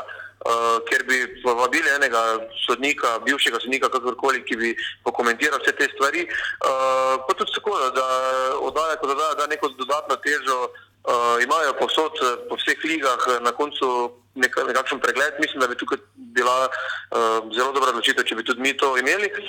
Uh, športni tednik pa ja, v bistvu ne vem, kaj naj rečem. eh, Zdi se mi, da je da je ta medijski trg zdaj tako, tako zahteven, da ne vem, kako bi se obnesel naš športni tednik. Eh, Mi, imamo, mi, mi izdajamo tudi eh, mesečnik, uh -huh. ki, je, ki je dokaj popularen, uh, morda bi bil tudi tednik, no, ne vem, uh -huh. mogli bi, mogli bi prav to videti. Mhm. Ne moremo mimo sodnikov, počasi proti koncu, kako se ti lotevaš. Uh, Te situacije, ko pride do težav, ne kontaktiraš Združenje nogometnih sodnikov Slovenije, ki so praktično izuzeti iz medijskega prostora, bivše sodnike, poskušate neposredno do sodnikov. Kako je s tem? Uh, absolutno poskušamo neposredno do sodnikov. Uh, velikrat uh, je pač tako, da, da so zaščiteni kot kočevski medvedje, če se malo pošalim. Uh, nekako je to združenje sodnikov prišlo do te točke, v kateri že vsi mislijo, ok, tudi če bom poklical sodnika, oziroma če bom poklical, če bom pos- poskušal neko pojasnilo dobiti, ga itak ne bom dobil. Um, kar je se mi zdi napačna praksa, kajti um, Mislim, da drugod po Evropi, tudi na Balkanu, spomnim se, spremljam tudi veliko srpsko, recimo prvenstvo, je ta njihov najboljši znik Mažič je velikrat tudi že uh, kakšno svojo situacijo pokomentiral oziroma mm -hmm. povedal, zakaj se je tako odločil. Mislim, da bi bilo veliko bolj, uh, veliko bolj uh, fajn bi bilo, če bi imeli tudi mi možnost uh, mediji vprašati sodnike, zakaj, pa ne bom pokomentira, vsi, vsi smo ljudje, vsi se motimo, uh, tudi če narediš kakšno napako, veliko bolje bi bilo, no, če bi to pojasnili, ne da, ne da gledamo stran, zamižimo na obe očesi in nič se ni zgodilo. Um, kar se tiče združenja, Ja, mislim, da bi morali imeti bolj, uh, predvsem recimo pri rokah, bi morali imeti bolj razdelano, kajti zdaj se zdaj se toliko rok, toliko nekih spornih situacij, da tudi, eh, tudi sam več ne vem, kaj naj si mislim, ali je roka ali ni roka. Uh, preveč je to prepuščeno neki prosti sodniški presoji in vedno več je tega. No? In se mi zdi, da, da bi moralo biti malo bolj malo določeno. Uh, in da bi morali biti sodniki predvsem bolj odprti za komunikacijo in za, in za neke odgovore. Mhm, In nogometna zveza Slovenije, ne, če se spomnimo tiskovne konference ob nastopu Aleksandra Čeferina, ki je prevzel zvezo in je potem uh, počasi začel iskati novega selektorja, se je tam zdelo, da je storil nekakšen PR-ovski. PR-ovsko napako, oziroma pač ni posvet, ni, ni upošteval na svete, recimo uh, strokovnega štaba in je potem imenoval Slaviša Stojanoviča, kar je potem rodilo sreča Katanca in tako naprej. Ne. Zdaj sledi, uh, sledijo nove volitve, oziroma čakamo, kdo bo novi predsednik Nogometne zveze Slovenije. Kaj ti pričakuješ v tem oziru, oziroma ali pričakuješ, kakšne imaš ti, kakšne imaš izkušnje z komunikacijo, oziroma z delom za Nogometne zveze Slovenije in kaj pričakuješ, kakšne spremembe, uh, ker vendarle ne čakamo novega predsednika. Ne. Ja, res je. Zdaj, moje izkušnje z nogometno zvezo, zdaj vem, da nekateri novinari imajo uh, slabše, oziroma slabe. Uh, sam sem z pač PR-ovsko službo nogometne zveze zadovoljen. V bistvu dobil sem skoraj da vedno tisto, kar sem želel, oziroma hotel, ok, pustimo zdaj to, da, da so da storijo velik napad pri tem, da ne zdaj na nov, novi primer je Ilčič, ki pač zdaj več ne govori Mhm. uh, z mediji, kar se mi zdi nespremljivo. Uh, isto je bilo z Handanovičem, tudi Oblak je bolj kot ne rezerviran, Novakovič se izogiba. Ok, to so napake, ampak če dam to ob stran, če sem si zaželel nekoga, ki pač ni teh naštetih, sem ga tudi dobil. Um, Tako da ja, mislim, da bi PR-ovska eh, PR-ovska služba bi nekaj več postoriti, kar se tiče tega, da bi bili vsi nogometaši na voljo, kajti bodimo realni, so dobro plačani. Mislim, da njihovo delo tudi to, da pač se z mediji oziroma ne z mediji, toliko kot z navijači. Uh, In tukaj, tukaj, tukaj vidim veliko možnost za napredek. Kar se pa tiče novih volitev, pa mislim, da bo treba počakati. Um, nekako sem imel po tekmi z Litvo občutek, da, da Srečo Katanec več ne bo dolgo selektor, uh, da bo nov predsednik našel tudi novo, tudi novo moč na klopi. Ampak po teh dveh tekmah pa več ne vem. No. Uh, štiri točke proti Slovaški in Angliji, m, zelo dober rezultat in zelo dobra igra, všečna. Tako da ne vem. Nekako imam občutek tudi, da je, da je Srečkom spoznal določene stvari in da je veliko vlogo tukaj tudi odigral no, ta Tomas Kavčič, ki je na novo Mhm. prišel Mhm. v strokovni štab. Zato, zato zdaj v tem trenutku res ne vem, kaj se bo zgodilo.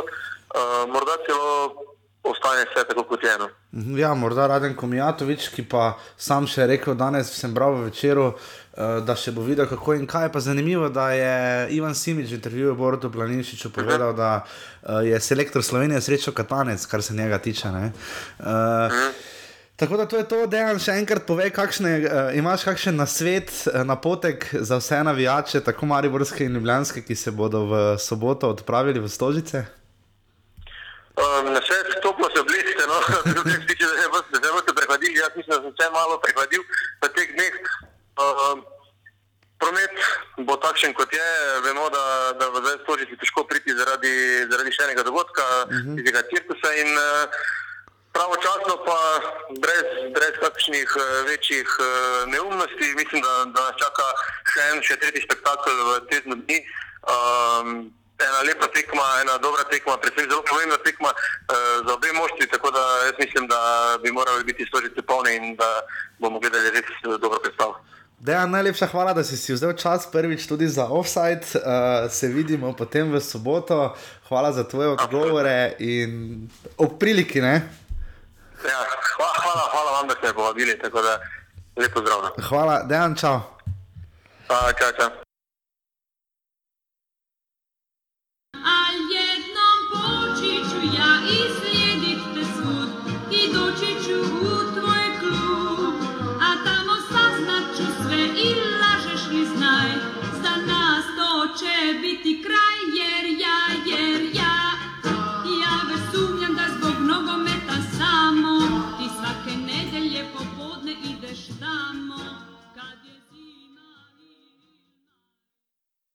Tako, to sta bila torej Rok in Dejan. Uh, hvala res obema, dala sta vam napotke, kako se oblecite za sobotno gostovanje v Stožicah, zna res biti precej mrzlo. Uh, preden vam poveva z Klemom še pare, uh, naslednjega kroga, Liga Telekom Slovenije, malo sem že pozabil, kateri je.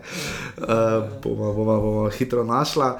Um, Jaz moram povedati, da trenutno v, v naši skupini drugo mesto sploh ne vodi v, v dodatne kvalifikacije. a vidiš točno, ti tega nisem ziger. Ja, trenutno so je devet skupin. Aha, in ena iz torej, ene. Iz ene skupine ne pride. Ker se je Malta Litva- črta, ne? Trenutno je Litva, ne zaradi tega, ampak trenutno je Litva uh, na devetem mestu od vseh reprezentantov, na zadnjem mestu tri- eh, drugovrščenih.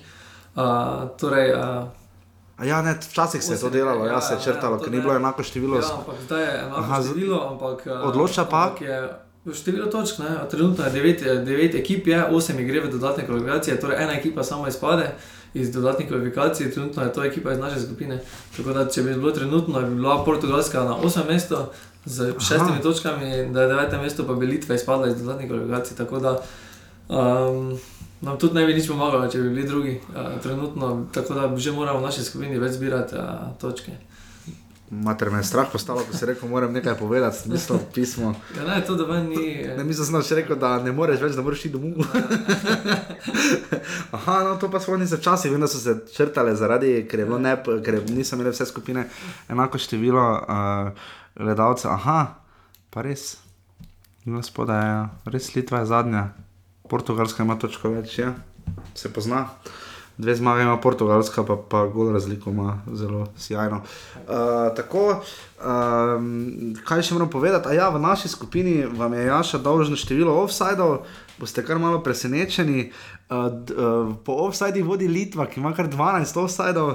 Kar kaže na njihove napadalne apetite, Slovaki jih imajo šest iz treh tekem, eh, Slovenija v zlati sredini s štirimi, Anglija ima tri, Škotska in Malta pa zgolj po dva offsajda. Um, pohvaliti moram Slavka Jariča in rubriko Športni SS na MMC. Včeraj sem namreč vprašal uh, na koncu tekme, kakšen je, če mi čakaj, bom kar prebral, vse imam tukaj odprto. Uh, kdo je največkrat obsedel oziroma sedel na klopi slovenske reprezentance? Zanimajo me torej upoklicani igralci, ki pa potem niso, niso jih zaigrali na tekmah slovenske nogometne reprezentance. Za vratarje prosim posebno lestvico, oziroma če jih lahko posebej označijo, ker je za vratarje to precej logično, da obsedijo. Ne?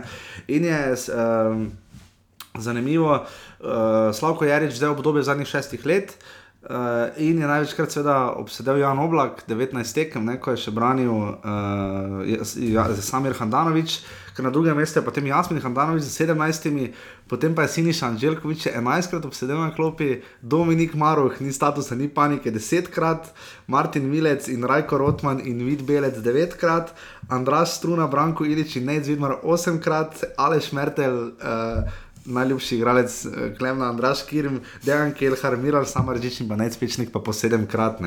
Kar je kar zanimiv podatek, ne, da je recimo Siničan Žurkovič kar 11krat obsedel na klopi. Ne. Uh, to pomeni, da ti nekdo daje, da te pokliče, ampak ne, ne z nečim pač ne prepričaš, oziroma je pač težko. Priti je pa zanimivo, da skoraj da nobenega napadalca ni med eh, naštetimi, ne? skoraj da izključno branilci. Ne? Niti ni v. Niti ni, če imamo spisku. to- dva napadalca. Tako da to, uh, ampak vseeno najboljši, najboljši odgovor na to je pa včeraj posegel Mladen Dobanovič, ki ga lepo pozdravljamo v tej priložnosti, ki pa je napisal, da je sam 8 let sedel na globi reprezentance, tako da mislim, da je res poskrbel za res lepo in prijetno um, dozo smeha. Um, To je to, kar se tiče torej reprezentance. Danes še sledijo 21:50, če to poslušate v sredo, 12. oktober, sledi še intervju sreča Katanca z Žetom Bašlem, ki ga še vedno nestrpno pričakujemo. Jaz uh, upamo vsi, da, bo, da ne bo novih napetosti. No? Mislim, zdaj, zdaj, zdaj smo kar zadovoljni, vsi razen Klemna. No. Ne, to ni res. Ni res, ne. Uh, v vsakem primeru uh, sledi 13. krok prve lige Telekom Slovenije. Uh, že v petek se bosta v Novi Gorici uh, pomer, pomerila Gorica in Krško ob 20. uri zvečer, uh, pestra tekma, derbi, ki ga bo sodil, derbi začelja bo sodil Damir Skomina, Alumini Radomlje. Uh, zanimiv, zanimiva odločitev, kar se sodniških dele, dele, delegacij tiče. Domžale in Rudar se bosta spopadla ob 17. uri, ob 20. uri in 30 minut pa derbi Olimpija Maribor. Znano je že, da bo pravico delil in eh, roke gledal Oli, uh, Matej Juk. Imaš kaj komentar na to temo? Ne. Pol bomo. Pol, pol pa ja. Uh, in pa cel je Koper še potem v nedeljo na kanalu A ob 16. uri in 55 minut. Uh, mislim, da smo Blažo Vampro poslali vabilo Mariborskemu navijaču, ki bo gost naslednjega offsajda, tudi Matej Klinc Klino naj bi se vrnil. Uh, upamo, da bomo dobili še, uh, lovimo izjavo uh, Roberta Pevnika, če bi nam kaj povedal o celski situaciji in pa probali bomo narediti flash intervjuje, kaj se napovedujemo, a? na koncu pa nič. Napovedujte, ne moreš spati. Uh, pa rad, pa rad bi, rad bi slišal aluminij radomlje, kakšna bo ne, razlaga oziroma kakšna bo izkušnja derbija začelja. Ne. To je to, kar se tiče 59. offsajda. Uh, Klemen, uh, dve minuti imaš, povej karkoli hočeš. Dve minuti do. Klemen že pozdravlja, seveda. Uh, derbi, pričakovanja tvoja, uh, Mari bo res tiskal sklical za petek, po mojem, bo takrat imela tudi Olimpija. Uh, zelo pomembno bo videti, kako se bodo vklopili ti igralci. Res hitro pride derbi, ne? če gledaš zdaj Novakovič, Zajec, Krona veter, pihle roke, oni pridejo, so bili v Stožicah, uh, mlada reprezentanca je bila pa v Srbiji. Ne? Ja, mene bo zanima stanje poškodovanih. Ja, pri Mariboru sploh ne. Bo možnosti, da bo igrali v bojni popolni postavi. Krona veter nekako zdaj bi skoraj da moral začeti pri Olimpiji, ne glede na. To je tudi pritisk, ki izvršil malo na Luko Elznerja za dobro predstavo proti Slovakom. Ne? Ja, ne pričakujem uh, še enkrat polne složice. Bomo videli, ne? jaz sem na Twitterju napisal, da nogometna zveza Slovenije nekaj dela zelo prav, pa nekaj zelo narobe, če bo na tekmi Maribor Olimpija več gledalcev kot na tekmi Slovenija Anglija. ne. Uh, ampak v vsakem primeru uh, več kot 30 tisoč ljudi se pa bo zbralo v treh dneh v Stožicah, kar je za razvoj nogometa v Ljubljani samo dobro in lahko samo pohvalimo vse tiste, ki so šli. Pohvala tudi redarski službi v Ljubljani, ki je pridno napolnila na račun nekaterih navijačev um, uh, svoj uh, proračun. Uh, to je, kar se tiče tega, skratka, tisti, ki boste šli na derbi, pojdite na derbi, vsi ostali pojdite na stadion, uh, katerega koli prvo ligaša. Veš, kaj vam je všeč pri navijačih, tam tudi transparentih, ne da reprezentanca vendarle združi nekatera okolja, ki pa to smo že znani povedali, se, se je videlo spet za golom, ne? Metlika, Blagovica, Idrija, ne? to niso primarno nogometni kraji. Še Peter v Novi Gorici je tu izjema, to me je nekdo na Twitterju dobro opomnil. Pač. Ker še Peter v Novi Gorici je pa dal dosti, je pa veliko prispeval neposredno v reprezentanco, ni pa pač ne. Etienne Velikonja. Etienne Velikonja in pa tudi Tima Tavš, mislim, da ne. Birsa. Walter Birsa, ne. Uh, pa nekoč Miran Burgič, tako da, um, ja, tako da pač skratka uživate v uh, vragolijah slovenskega, prvo, slovenske prvolegaške scene, vračamo se torej nazaj, offside se vrača v ponedeljek, upam, razen če ima Klemen, more kaj povedati. Uh, Trikrat v sedmih dneh, da sem kupil regaši. si kao utrujen? to je ključno vprašanje. Da. Si utrujen? Da me nekdo zamenja. Sem nimam nobenega SMS-a. Tako to je bil 59. offside, če se znajdete v offsideu, klemen.